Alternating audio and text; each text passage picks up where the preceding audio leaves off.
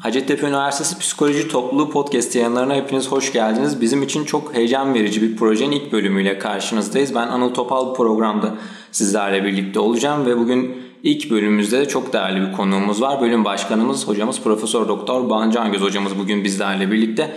Hocam öncelikle kısıtlı ve değerli vaktinizden bizlere ayırdığınız için çok teşekkür ederiz. Sizleri burada ağırlamak bizim için çok büyük bir onur. Ben çok teşekkür ederim. Ben de aynı şekilde çok büyük bir mutluluk duydum. E, bu tip e, öğrencilerimizden gelen talepleri karşılamaktan hakikaten e, samimiyetle çok büyük bir keyif alıyoruz. Evet bu programda sizlerden gelen soruları ve psikoloji biliminin bugünü ve geleceği hakkında gibi çeşitli konularda konuşacağız hocamızla birlikte. Hocam isterseniz çok vakit kaybetmeden başlayalım ilk sorumuzla birlikte. Ee, bu sene bildiğiniz gibi üniversitelerin psikoloji bölümüne yaklaşık 8 bin öğrenci girdi ve bu sayı artık önümüzdeki senelerde de artan kontenjanlar ve gelen yeni bölümlerle birlikte üniversitelere gelen yeni psikoloji bölümleriyle birlikte de artacak gibi gözüküyor. Ee, bunun dışında artık psikoloji kelimesini gerek sosyal medyada gerek dışarıda günlük hayatta çok daha sık duyuyor hale geldik. Sizce bu ilgi artışının avantajları neler olacak, dezavantajları neler bizim için? E, saptamanız çok doğru. Hakikaten e, yeni açılan üniversitelerde psikoloji bölümlerinin e, edebiyat ve fen edebiyat fakülteleri içerisinde ilk açılan bölümler arasında yer aldığını biliyoruz. E, alınan öğrenci kontenjanlarını da düşünecek olursak bunlar bize hakikaten psikoloji alanına duyulan e, ilgiyi açık bir biçimde ifade ediyor. Öncelikle bunun avantajlı taraflarından başlayacak olursak e, bu bizim mezunlarımızın e, mezuniyet sonrasında çok daha kolay e, iş imkanı bulmaları yani istihdam bakımından çok büyük bir avantaj e, sağlayacak gibi gözüküyor. Çünkü bu alana ilgi yoğun. Ama diğer taraftan pastadan pay alma e, açısından düşünecek olursanız da e, rekabetin çok daha e, acımasız bir şekilde e, ortaya çıkacağı da e, burada hani hem avantajı hem dezavantajı konuşacak olursak bir istihdam artıyor. Çünkü evet mezun sayısı artıyor ama psikoloğa duyulan ihtiyaç da artıyor e, ülkemizde. E, ikincisi mesleğimizin tanınırlığının arttığını gösteriyor bu. Psikolojiye olan talep ve psikoloji alanını ve mesleğini daha çok duyuyor olmamız bu mesleğin tanındığını, gerekliliğinin daha iyi anlaşıldığını gösteriyor. Bundan 20 yıl kadar falan öncesine şöyle bir zaman yolculuğu yapacak olursak psikoloji denildiğinde sokaktaki insanın aklına gelen e, klinik psikoloji olurdu. Yani bir e, zihinsel veya e, psikolojik sorun varsa bunu gideren e, meslek e, erbabı olarak değerlendirilirdi. Halbuki biz bugün artık e, bu bariyerin yıkıldığını ve psikolojinin çok farklı alanlarının da olduğunun e, herkes tarafından daha iyi kavrandığını görüyoruz. E, bu da iş imkanlarının artık sadece Sağlık Bakanlığı ve ona bağlı sağlık kurumlarıyla sınırlı kalmayıp çok daha çeşitlendiğini, farklı devlet kurumları ve özel kuruluşlara doğru yayıldığını bize gösteriyor. Bunları avantaj olarak görüyoruz. Öte yandan e, bu e, sayının giderek artıyor olması e, yani e, psikolojiye duyan ilgiyle beraber mezun sayımızın giderek artıyor olmasının dezavantajlı tarafı eğitim öğretimin kalitesi ile yakından ilgili. E, dolayısıyla bir 30 e, e, kişilik bir sınıfta psikoloji dersini yürütmekle 120 kişilik bir sınıfta psikoloji dersini yürütmek arasında herhalde niteliksel bir fark da olacaktır. Buna karşılık yani öğrenci sayılarındaki bu önlenemez artışa karşılık öğretim üyesi, uzman öğretim üyesi sayısı aynı oranda artmıyor. Dolayısıyla da pek çok e, psikoloji üniversitenin psikoloji bölümlerinde e, bırakın psikolojinin alt uzmanlık alanlarında gelişim psikolojisi, klinik psikoloji, sosyal psikoloji gibi psikoloji dışı alanlardan e, uzmanlığı olan öğretim üyelerinin psikoloji bölümlerine başkanlık yaptıkları veya psikoloji öğretim üyesi olarak ders verdikleri görülüyor. Bu da gayet tabii ki bizim mezunlarımızın bundan sonraki yıllarda kalitesi konusunu son derece tartışmalı bir hale getiriyor. Eminim bu sözünü ettiğimiz farklı alandan öğretim üyeleri son derece kendi alanlarında değerli e, kişilerdir. Fakat hani taş e, bulunduğu yerde ağırdır denir ya dolayısıyla e, kendi alanlarında çok değerli bu kişilerin yine kendi alanlarında bu faaliyetleri yürütmelerinin e, son derece sağlıklı ve mantıklı bir yaklaşım olacağını düşünüyoruz. E, aynı şey tabi burada hep lisans eğitiminden bahsediyoruz. Çünkü sizler bizim lisans öğrencilerimizsiniz. Sorular da oradan geldi ama potansiyel lisansüstü e, eğitim öğretim adayları mısınız aynı zamanda? Aynı durum lisansüstü eğitim için de geçerli. Bugün yüzlü sayılarda lisansüstü programlara öğrenci alan psikoloji bölümleri var. Yani lisansüstü eğitimin yüzlü sayılarla, yüz kontenjanla öğrenci alması gibi bir şey e, dünyada da e, gelişmiş hiçbir ülkede de e, yaşanmaması gereken bir durumu gösteriyor. Yani bırakın lisans psikoloji eğitimini, psikolojide uzmanlık veya doktora derecesini bu kadar kalabalık gruplara vermek e, ileride psikoloji mesleğinin içinde bulunacağı durum hakkında bizi gerçekten ciddi bir şekilde kaygılandırıyor. Haklı olarak şunu sorabilirsiniz. Hocam sadece kaygılanıyor musunuz? Yoksa fiilen de e, bir takım mercilere bu kaygınızı anlatıyor musunuz? Yani oturduğunuz yerden ağlıyor musunuz? Çok yerinde bir soru olurdu gerçekten. E, bölümümüz e, geçen yıl e, YÖK nezdinde düzenlenen bir toplantıya katıldı. Toplantı bir tam gün sürdü. Gece saatlerine kadar da tartışmalar devam etti. Bu sadece psikoloji farklı devlet üniversitelerinin, bu ağırlıklı olarak araştırma üniversitelerinin psikoloji bölüm başkanları, Türk Psikoloji Derneği, Türk Psikiyatri Derneği, Psikolojik Danışma ve Rehberlik Derneği gibi sivil toplum örgütlerinin e, başkanlarının katıldığı e, bir e, tematik toplantı oldu. YÖK'ten yetkililer de bu şeyin içerisinde vardı. Orada açık bir biçimde bu kontenjan sorunu ve öğrenci kalitesinde, eğitim öğretim kalitesindeki bu demin size saymış olduğum sıkıntılar aynen orada da dile getirildi. Bu yapabileceğimiz en üst noktaydı. Kayıtlara, yazılı kayıtlara da geçmiş oldu.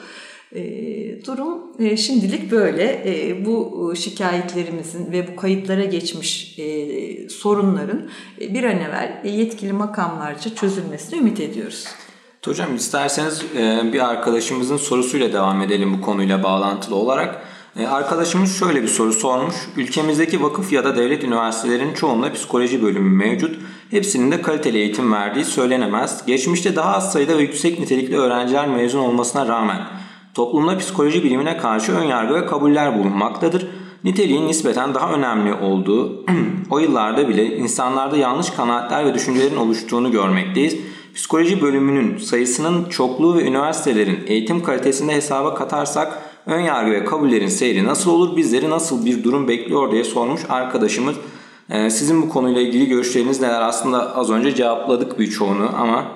Ee, şeyden bahsetmedik. Ee, evet demin bahsettik bu konulardan ama e, bu ön yargı, psikolojiyle ilgili ön yargılar konusundan bahsetmedik.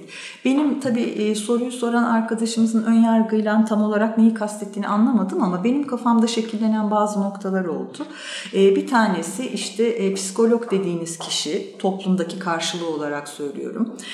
İşte akıl hastalığı olan, sorunları bulunan e, kişilerin e, başvurduğu bir e, meslek erbabıdır diye düşünülürdü. Bu ön yargı artık sanki kırıldı. Bunun kırılmasında psikolojinin çok olumlu uygulama alanında çok olumlu temsilcilerin olmasının büyük bir katkısı olduğunu düşünüyorum.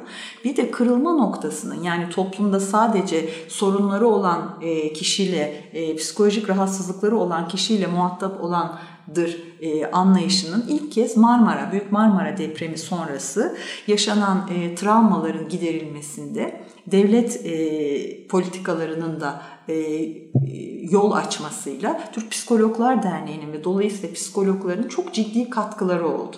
Yani kurtarma ekipleri e, gibi e, Türk Psikologlar Derneği'nin tarafından görevlendirilen psikolog meslektaşlarımızın da alanda çok büyük katkıları olduğunu gördük. Yani süreç içinde hemen sonrasında acil e, yardım anlamında ve ondan sonrasında da takip amaçlı e, galiba psikolojinin ve psikoloğun Türkiye'de e, kıymetli ve her alanda başvurulabilir. Yani sadece psikolojik, psikiyatrik bir sorun ile değil doğal hayat olayları ve afetler ve doğal travmalar sonrasında da derde deva olabileceği anlayışı ilk kez böyle oluştu diye düşünüyorum. Yani bu söz edilen ön yargının kırılmasında e, yine ön yargı derken galiba kastedilen şu eskiden çocuğumu psikoloğa götürüyorum ya da ben psikoloğa gidiyorum demekten kaçınırdık. Bu biraz daha hani dahiliyeciye gidiyorum demekten daha e, mahrem tutulması gereken bir konu gibi düşünülürdü.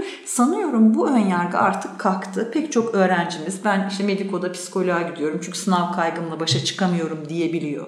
Pek çok aile çocuğum işte dikkat eksikliği, hiperaktivite bozukluğu tedavisi görüyor. Haftada bir psikoloğa gidebiliyoruz. Günlük rutin konuşmasında bu terimleri rahatlıkla kullanabiliyor. Bu ciddi bir şekilde ön yargıların kırıldığını, halkımızda psikolojiye ilişkin bir blokajın kalktığını gösteriyor. Bu tabii ne demek? E, bundan sonra psikologlara başvuru sayısında bir artış olmasının beklenmesi demek. Tabii bu bizim meslektaşlar olarak ve sizin de gelecekteki meslektaşlarımız olarak bu durumun sorumluluğunu içinizde hissediyor olmanız lazım. Çünkü talep arttıkça o talebi layıkıyla yerine getiren meslek mensuplarının bulunması gerekir. Ee, bir de e, bir ön yargı, soruyu soran arkadaşımızın kafasındaki ön yargı o muydu bilmiyorum. Ee, bazen e, tıpkı sizler bizim bölümümüze ilk geldiğiniz yıllarda olduğu gibi psikoloji klinik psikolojiden ibaret sanmak da bence ciddi bir ön yargı. Sokaktaki insan için de bazen böyle. Halbuki biz artık gayet iyi biliyoruz ki psikolojinin çok farklı uzmanlık alanları var ve dolayısıyla sadece psikolojik rahatsızlıklarda bunların değerlendirilmesinde değil, sosyal psikoloji gibi insanın sosyal ortamlar ve sosyal uyarıcılar karşısındaki davranışlarının incelenmesinde, gelişim psikologları gibi döllenmeden ölüme kadar geçen süreç içindeki fizyolojik ve psikolojik gelişim ve değişimlerin incelenmesinde, deneysel psikoloji gibi çevresel faktörlerin insan bilişsel süreçleri ve davranışları üstündeki etkilerinin incelenmesinde ve endüstri ve örgüt psikolojisi gibi iş ortamlarında çalışan verimliliği ve kurum e, karının gözet, nasıl gözetilerek bilimsel olarak arttırılacağı gibi konularda ve daha arttırabileceğim pek çok alt alanda e, psikologların hizmet verebileceği anlayışının e, yaygınlaşması toplumda bu ciddi bir ön yargı kırılması e, ve e, yani özetle şunu söylemek istiyorum. Psikolojinin sadece uygulamalı bir bilim dalı olduğu yanlış ön yargısının toplumdan kalkması lazım. Çünkü psikoloji uygulamalı ayağı çok güçlü e, geleneksel olarak çok güçlü bir bilim dalı ama psikoloji bir temel bilim boyutu da olan bir alan. Yani çok ciddi bilimsel laboratuvar çalışmaları da yapılıyor. Bence bir görevimiz de e, bunun bu temel bilim boyutunu da e, halka götürebilmek ki o bilim dalının güvenirliğini arttıracak bir konu bu. Artan bir talepten bahsettik ve bu artan talepte haliyle bir artan rekabet ortamı getiriyor. Sizce bu rekabet ortamı öğrencileri özgünleştiriyor mu yoksa daha mı sıradan hale getiriyor? Valla e, şimdi e, sıradan hale getiriyor e, diyebilir miyiz e, bilmiyorum ama e, özgün, zorunlu bir özgünleştirme, özgünleştirme evet zorunlu olarak özgün hale getiriyor diye düşünüyorum. Neden derseniz e, şimdi eğitimin kalitesinde demin söylediğim nedenlerle e, bölüm sayı, psikoloji bölümü sayısının artması e, az önce de konuştuğumuz gibi eğitimin kalitesini ve niteliğini olumsuz yönde etkiliyor. Alandan olmayan öğretim üyelerinin eğitim veriyor olması aynı şekilde olumsuz yönde etkiliyor. Ve e, bazı e, vakıf üniversitelerinde üniversite giriş puanlarının çok e, bir devlet üniversitesi veya araştırma üniversitesine göre bu giriş puan uçurumunun çok artıyor olması da öğrenciler arasında bir ciddi farklılık not yani üniversite giriş puanı açısından ciddi bir uçurumun da oluşmasına sebep oluyor. Şimdi bu koşullar altında iyi midir, kötü müdür, nasıl düzeltilir hiç tartışmadan mevcut durumu değerlendirecek olursak böyle bir durumda herhangi bir öğrencinin sivrilip öne çıkıp e, rekabet gücünü ortaya koyabilmesi için e, muadillerinden yani benzerlerinden üstün vasıflarının olması bekleniyor. Yani standart bir lisans eğitiminin üstüne çıkabilmiş öğrenci ancak e, beklentinin üstünde bir performans gösterecek. O da ne olabilir? Yabancı dil bakımından iyi anlayabilen, okuyabilen ve konuşabilen, e, bilgisayar teknolojilerine hakim olabilen, e, Mesela ne diyeceksiniz? MATLAB gibi, ePrime gibi deney düzenleme yazılım programlarını iyi kullanabilen. Ee, belki daha sonra konuşuruz. Ee, beyin araştırmaları psikolojinin artık ayrılmaz bir parçası haline geliyor ya da psikoloji artık bu, burada varlık göstermeye başlıyor.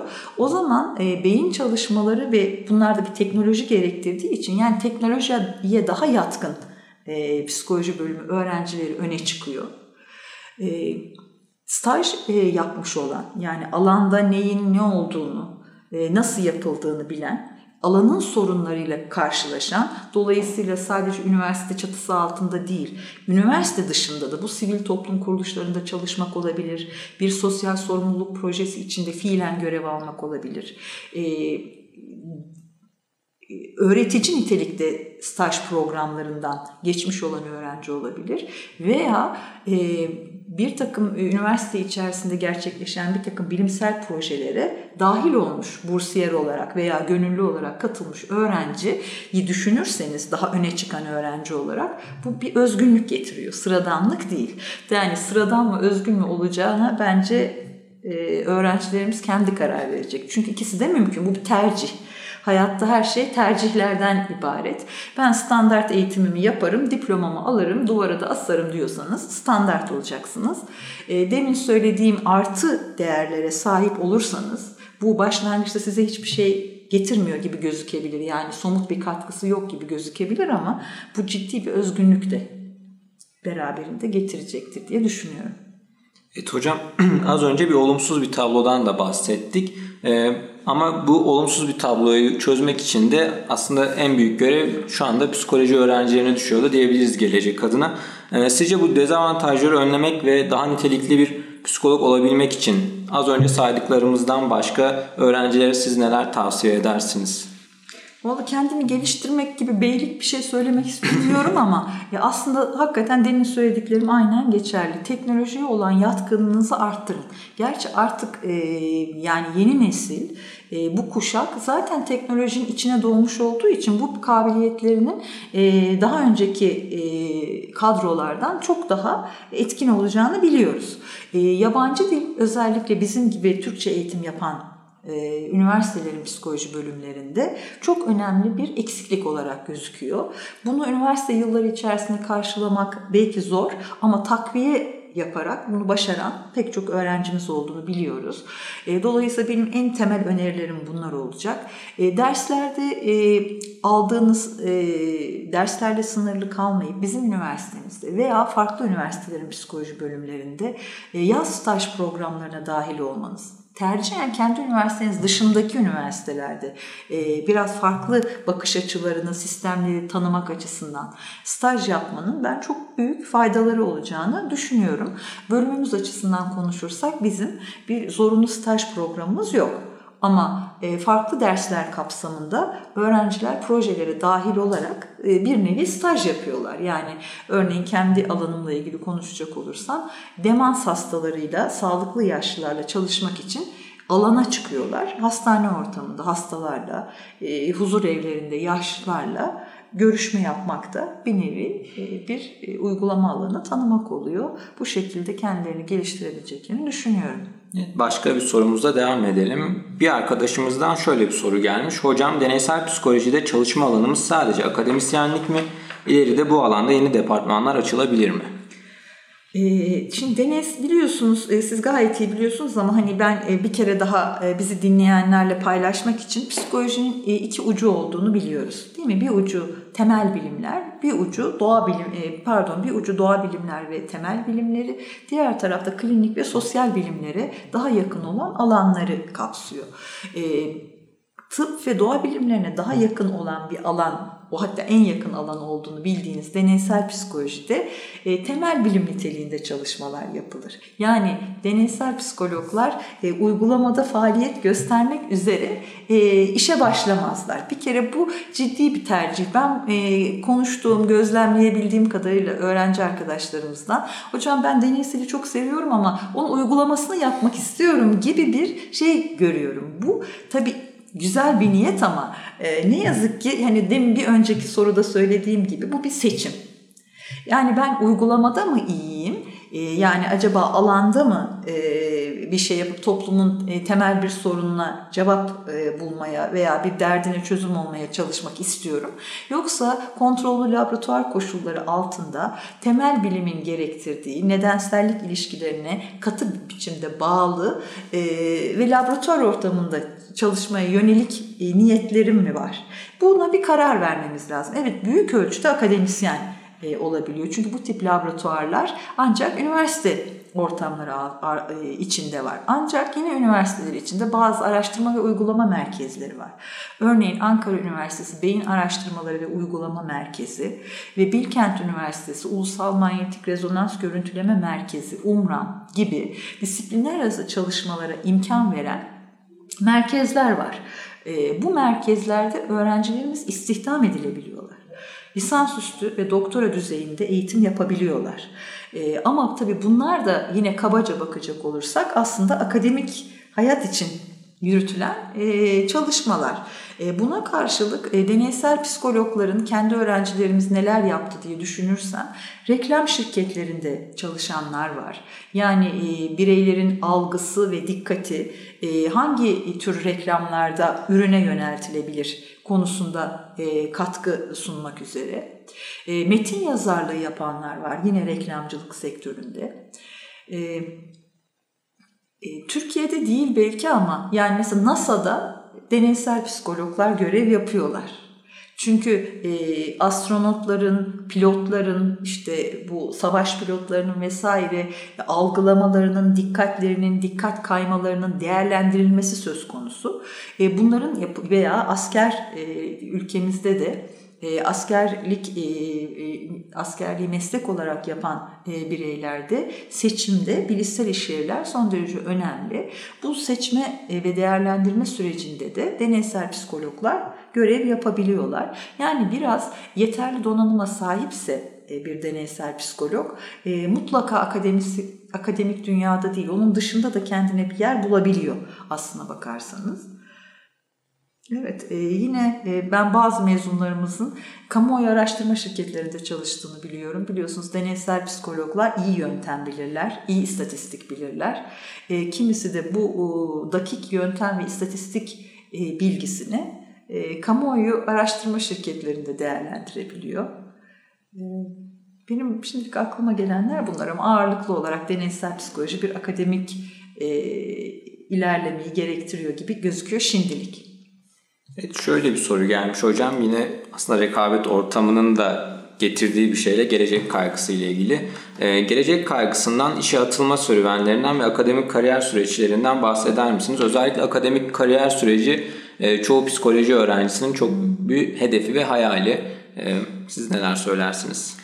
Şimdi tabii e, akademik e, kariyer e, süreci e, öğrencilerin genel yine benim gözlemim yanlış olabilir. Beni müdahale edip kesebilirsiniz veya dinleyenler hiç de böyle değil diyebilir ama e, öğrencilerin genellikle kariyer planı yapma fikri e, bu benim ön yargım olabilir. Dördüncü sınıfın ikinci döneminde başlıyor. Yani yumurta kapıya dayanınca başlıyor. Ondan önce Pempek İngilizce kurslarına giden e, veya işte e, dışarıda alanda çalışmalar yapmak isteyen, e, staj peşinde koşan öğrenciye pek rastlamıyoruz. Yani genellikle dördüncü yıla gelindiğinde bu gerçeklerle karşı karşıya kalmak yani nasıl iş bulacağım, bundan sonra ne yapacağım meselesi ve öğrencilerimizin yarıya yakınının diyebilirim e, lisansüstü eğitim olanaklarını yani kariyer planlarını lisans üstü düzeyde yapmaya çalıştıklarını görüyoruz. Kendi üniversitemizin lisans üstü programı dahil olmak üzere Türkiye'deki ve yurt dışındaki farklı üniversitelere başvurabiliyorlar. E, buradan mı gidelim yoksa e, yani diğer alana e, atılmak konusunda mı? E siz nasıl isterseniz şu an böyle. yani hani lisans üstünden başladık öyle devam edersek biliyorsunuz bazı e, koşulları sağlaması gerekiyor e, lisansüstü öğrencilerinin e, işte yüksek lisans veya doktoraya başvururken ALES gibi, e, yabancı dil sınavları gibi, TOEFL, GRE, IELTS gibi İngilizce uluslararası düzeyde kabul gören İngilizce sınavlarına girebilecekleri gibi Türkiye'deki bazı sınavlara dil yabancı dil sınavlarına da girebiliyorlar. Bundan istenen puanları almaları halinde ALES sınavından da beklenen puanı almaları halinde akademik ortalamaya iş düşüyor. Yani dördüncü sınıfta uyanıyor olabiliriz ama dört yıllık akademik e, başarımızın karşılığı da buraya katılıyor. Ve nihayet bütün bu gerekleri eğer karşılıyorsa öğrenciler Hacettepe Üniversitesi Psikoloji bölümünde veya başka bir psikoloji bölümünde lisansüstü eğitim yaparken bir de mülakat sınavına alınıyorlar. Mülakat sınavlarında adaylara hiçbir zaman böyle çok köşede bucakta kalmış bir şey sorulmaz. Öğrenciler hep bunu çok merak ediyorlar. Yani çok detaylı bir e, bilimsel sorgulama mı yapılıyor? Pek öyle bir şey yapılmıyor. Hatta bildiğim kadarıyla klinik psikoloji uzmanlık alanımız en çok rağbet gören lisansüstü programlarımızdan bir tanesi. Geçen yıl 200 küsur kişi aday olarak başvurdu ve çok kısıtlı sayıda öğrenci alınabildi. O sınavlarda öğretim üyesi arkadaşlarımız nelerin sorulacağını adaylara dağıtıyorlar. Yani soruları bilerek geliyorlar. Hani demin ilk sorularda özgünlük meselesi vardı. İşte özgünlüğünü birey orada gösterebiliyor. 10 dakikalık kısıtlı bir süre içerisinde diğerlerinden farklı ne anlatacaksınız? Sorular aynıyken. Bu biraz sizin kendinizi nasıl yetiştirdiğiniz, psikolojiye ve ilgi duyduğunuz alana nasıl baktığınızda çok alakalı oluyor gayet tabii. Ee, öte taraftan e, psikolojinin tanınırlığı ile ilgili o ilk sorunuzla da bağlantı kurarak e, psikolojinin artık e, çok farklı e, istihdam alanları var daha önce konuştuğumuz gibi. Mesela Aile ve Sosyal Politikalar Bakanlığı'nda, Adli Tıp Kurumu'nda, e, Özürlüler İdaresi gibi kurumlarda psikologlara ihtiyaç var. Dolayısıyla tabii bu bize neyi getirir? Hep kamu kuruluşlarından bahsettik. Mezunlarımızdan akademik kariyer düşünmeyenler ne yapacak mecburen bu durumda? Şimdilik eğer sistem değişmezse kamu personeli seçme sınavı yani KPSS sınavında mutlaka başarılı olacaklar. E, bunu kursa gitmeden başaran var mı ben bilmiyorum. Orada da dil puanı isteniyor. Orada da mülakat var. Dolayısıyla e, sadece psikoloji mezunlarını değil aslında. Ülkemizde e, üniversite mezunlarını bekleyen bitirdim oh 4 yıllık yoğun bir şeyden kurtuldum şimdi artık ekmeğimi kazanacağım demek için çok erken. Yani ondan sonra da bir sürü bariyer ve yeniden sınavlar, yeniden mülakatlar var. E, bu tablonun size olumsuz bir tablo verip motivasyonunuzu e, kırmasını hiç istemem. Çünkü şöyle hani elle gelen düğün bayram diye bir laf vardır ya. Herkes bu e, duruma tabi.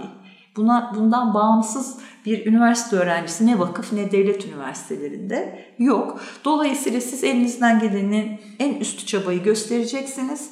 E, eminim bizim mezunlarımız e, veya e, nitelikli eğitim veren e, üniversitelerin psikoloji bölümlerinin mezunları bu o, yarışta öne çıkacaklar.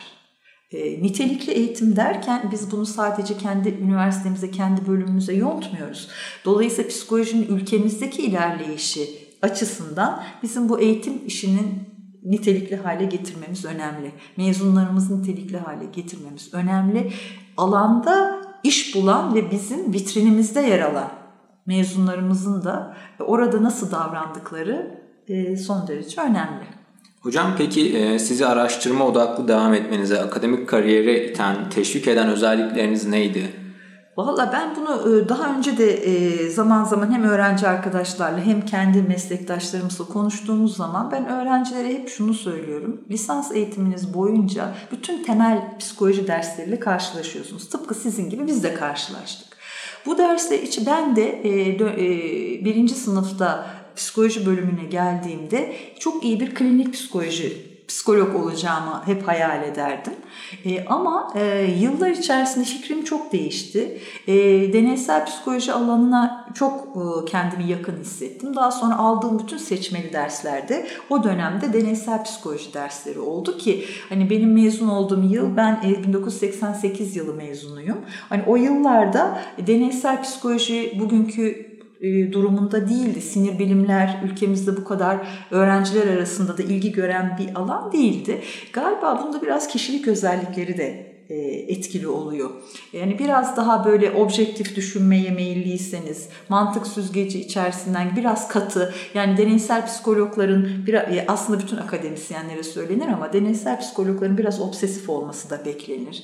E, tekrar tekrar hata olmaması için geri dönmek gibi, kontrol, deneysel kontrol yapmak gibi bir süre sonra da acaba kişiliğim öyleydi de mi bu alanı seçtim yoksa bu alanı seçince mi kişiliğim evrildi diye de düşünüyorsunuz. Çünkü birbirini çok besleyen bir şey. Yani e, deneysel kontrol yapmaya uğraşmak bir süre sonra sizin kontrolcü bir kişi halinize gelmeye de sebep olabilir. Zaten bu ihtiyaca sahiptiniz yani kontrol ihtiyacına. Bu da tam sizin e, enerjinizi boşaltacağınız yer mi oldu? Doğrusu o konuda e, benim de size söyleyeceğim net bir şey yok ama galiba biraz kişilik, hayattan beklentiler ve dünyaya bakışınız e, hangi alt alana yöneleceğinizi de e, belirliyor olabilir. E, dolayısıyla ben böyle yöneldim. Tabi burada çok değerli e, o dönem e, deneysel psikoloji alanındaki öğretim üyesi hocalarımı da buradan anmak isterim. Profesör Doktor Sirel Karakaş, doçent doktor Ali Uzunöz, vefat eden ve çok sevdiğim hem hocam hem değerli meslektaşım doktor öğretim üyesi Levent Şenyüz gibi çok değerli öğretim üyelerinden eğitim aldık. E, eğer bu alana e, o dönemde bu kadar ilgi duyabildiysek e, onlara borçlu olduğumuz şeyler var diye düşünüyorum. Onları da burada sevgi ve özlemle anıyorum. Evet, hocalarımıza biz de çok teşekkür ederiz. Bir başka psikolojinin alt alanıyla ilgili bir sorumuz var bu sefer. Bir arkadaşımız spor psikolojisinin bugünü ve geleceği hakkında düşünceleri nelerdir diye sormuş. Aslında ee, geçtiğimiz Kasım ayı içerisinde APA'nın yayınladığı bir raporda 2019'da e, damga vuracak konularda spor psikolojisini de vermişlerdi. Hatta ilgili arkadaşlarımız için geçtiğimiz günlerde sosyal medyada da bununla ilgili bir paylaşım yapıldı. Siz spor psikolojisinin bugün ve geleceği hakkında neler düşünüyorsunuz? Spor psikolojisi yine psikolojinin uygulamalı e, alanlarından bir tanesi ve sizin de çok doğru ifade ettiğiniz gibi son yıllarda çok büyük bir ilgi var ve popülerlik var. Bu hem toplumda var hem öğrencilerimiz arasında var. Ee, biz de bu gereksinime e, gözü kapalı kalamadık. E, nitekim e, Psikoloji Hacettepe Üniversitesi Psikoloji Bölümü ile yine Hacettepe Üniversitesi Spor Bilimleri Fakültesi arasında bir protokol yapıldı ve spor ve egzersiz psikolojisi ortak lisansüstü programı açılmasına karar verildi. Yüksek lisans ve doktora düzeyinde bir ortak programın hazırlıkları bitme aşamasında. Ee, yine bizim eski mezunlarımızdan doktor öğretim üyesi Ziya Koruç Hoca e, Spor Bilimleri Fakültesi'nde öğretim üyesidir. Onun da e, girişimiyle ile bu süreç başladı. İki bölümün akademik kurulları bir araya geldi. E, nasıl nitelikli, aynı o birinci soruda sorduğunuz şey. Yani bundan sonra da e, üniversitemizde bir ilk.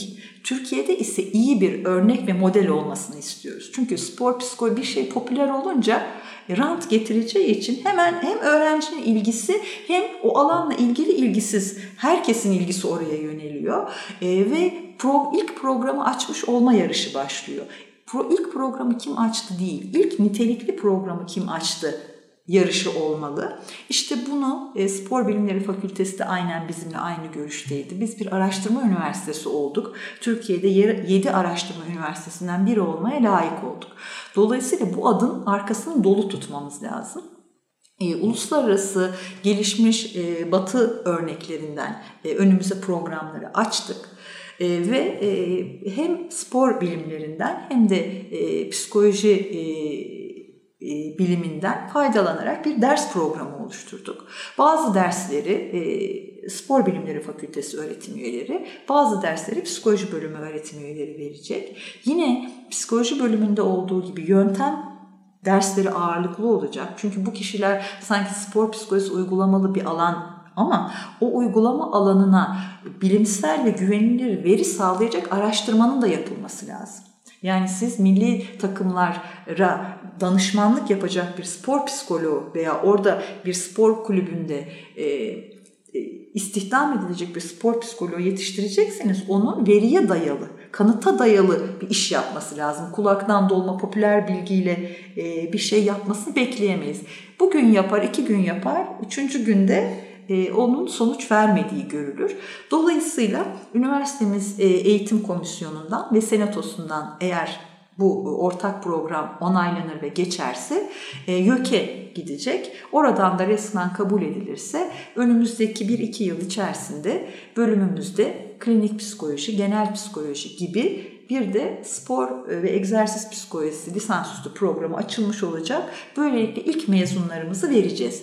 Yine centilmenler anlaşması gereği hem spor bilimleri fakültesi hem psikoloji bölümünde eşit sayıda öğrenci alınacak. Ve tabii demin söylediğim bütün kriterleri yani ALES'ten belli bir puan alması lazım. Kendi bölümünde akademik ortalamasının istenen düzeyde olması lazım. İngilizce yabancı dili çünkü bütün bu vasıflar e, evet bazen sınav her şeyin objektif bir ölçüsü olmayabiliyor. Hakikaten aradan çok yaratıcı, nitelikli öğrencilerimizi kaçırdığımız da olabiliyor. Ama yine de bu kadar kalabalık bir e, grupla karşı karşıyaysanız bir eleme sistemi şart. Hani Türkiye'den üniversite e, seçme sınavının kaldırılamayacağı gibi herhalde bu tip sınavlarda pek kalkacak gibi gözükmüyor.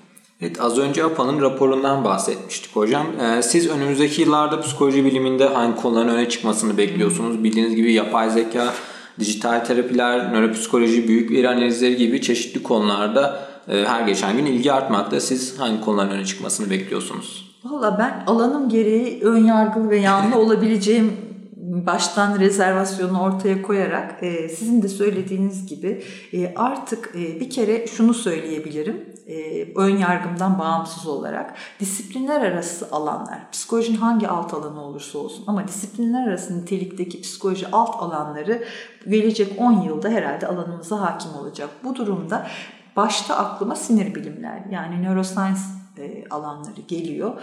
Bu alan ister istemez şimdi e, son e, geçtiğimiz ay Kasım ayı içinde 20. Ulusal Psikoloji Kongresi yapıldı TED Üniversitesi'nde Ankara'da. E, orada da gördük ki sadece deneysel psikologlar değil ya da bilişsel psikologlar değil, sosyal psikologlar, gelişim psikolog, klinik psikologlar da hatta endüstri ve örgüt psikologları e, bölümümüzden e, öğretim görevlisi Savaş Ceylan Hoca'nın e, bu endüstri ortamlarında e, giyilebilir elektronik elbiselerle ilgili bir çalışması poster ödülüne e, layık görüldü. Dolayısıyla psikolojinin hiç olmaz dediğiniz psikoloji alt alanlarında da nörolojik bilimler yani sinir bilim çalışmalarına bir yöneliş var. Dolayısıyla benim favorim sinir bilimler alanında. Tabi yapay zekayı da bunun içine katıyorum çünkü bağımsız değil. Yani sinir bilimlerinin içinde bir kol olarak ilerliyor yapay zeka çalışmaları. Ağırlıklı olarak psikologlar, nörologlar ve bilgisayar mühendislerinin ve yazılımcıların içinde ya da robotik çalışanların e, beraber e, bulundukları bir alan. Yine bu yapay zeka çalışmalarının da bütün dünyada çünkü böyle biliyorsunuz ilerliyor. Bu grupların içinde pek de tahmin etmediğimiz felsefeciler de var. Çünkü olayın etik boyutu var yapay zekada. Yani eğer bir gün yapay zeka gündelik hayatımıza da gelir ve aramızda yapay zekaya sahip robotlar da bulunursa bunların hayatının sonlandırılması, sürece ne kadar dahil olacağı, etik kurallardan bağımlı olup bağımsız olup olmayacağı gibi ciddi bir etik konu var orada. Onun için arada etikçiler olmalı, e, matematikçiler olmalı, sosyologlar belki olmalı. Çünkü onlar da artık sosyal hayatın bir unsuru olacaklar. Bu iyi midir, kötü müdür? Sağlıklı mıdır? Organik, e, biyolojik insanın bundan sonraki varlığı için e, ilginç bir konu ama hani yapay zekayı da ben sinir bilimlerin içine koyuyorum. Bir şey duydum. ilk defa sizden duydum. Ne dijital terapi mi? Evet, bu da APA'nın raporunda geçiyor. APA'nın raporundaki bu bir hiç haberim olmayan bir konu. Hani bilmeyen, bilmediğim bir konuya hiç atıfta bulunmak istemiyorum.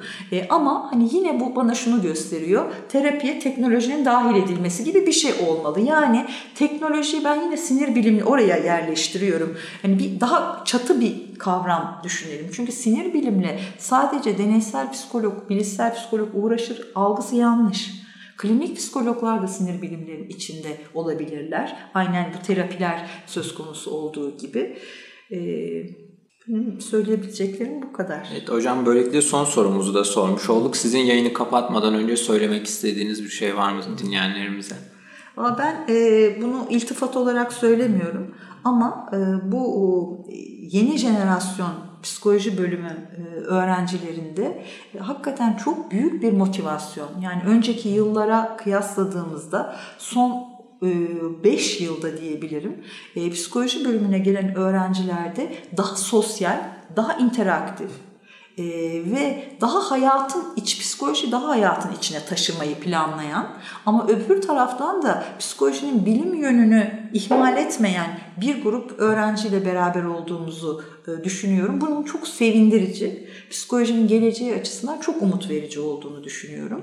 Yani psikoloji bilmenin sadece dersliklerde, üniversite çatısı altında değil, sokakta da karşılığının olabileceğini, e, bunu böyle hani meslek bilincine ve farkındalığına sahip olduklarını e, çok sevinerek gözlemliyorum. Bizim öğrenci olduğumuz yıllarda biz dışa bu kadar açık değildik. Yani farklı bölümlerle bu kadar interaktif ilişki içinde değildik. E, işimiz biter, dersimiz, kitabımızı alır, eve gider. E, yani burada kalırdı. Okulda öğrendiğim okulda kalırdı. Bu o, grupta belki de hani sosyal medyanın e, bu dönemde çok daha yaygınlaşmasıyla işte bugün yaptığımız bu kayıt e, imkanı belki o zaman yoktu. Ona da bağlayabiliriz ama bu motivasyonu ve pozitif bilime olan bağlılığınızı hiç kaybetmemenizi diliyorum sizin nezdinizde tüm e, psikoloji öğrencilerini. Evet böylelikle yayınımızın sonuna geldik. Ben Anıl Topal. Bugün Profesör Doktor Bancan Göz hocamızla birlikteydik. Bizim için çok verimli ve keyifliydi. Umarız sizler için de öyle olmuştur. Ee, geri dönütleriniz, sorularınız, eleştirileriniz bizler için çok değerli. Bizleri dinlediğiniz için çok teşekkür ederiz. Önümüzdeki yayında tekrar görüşmek üzere.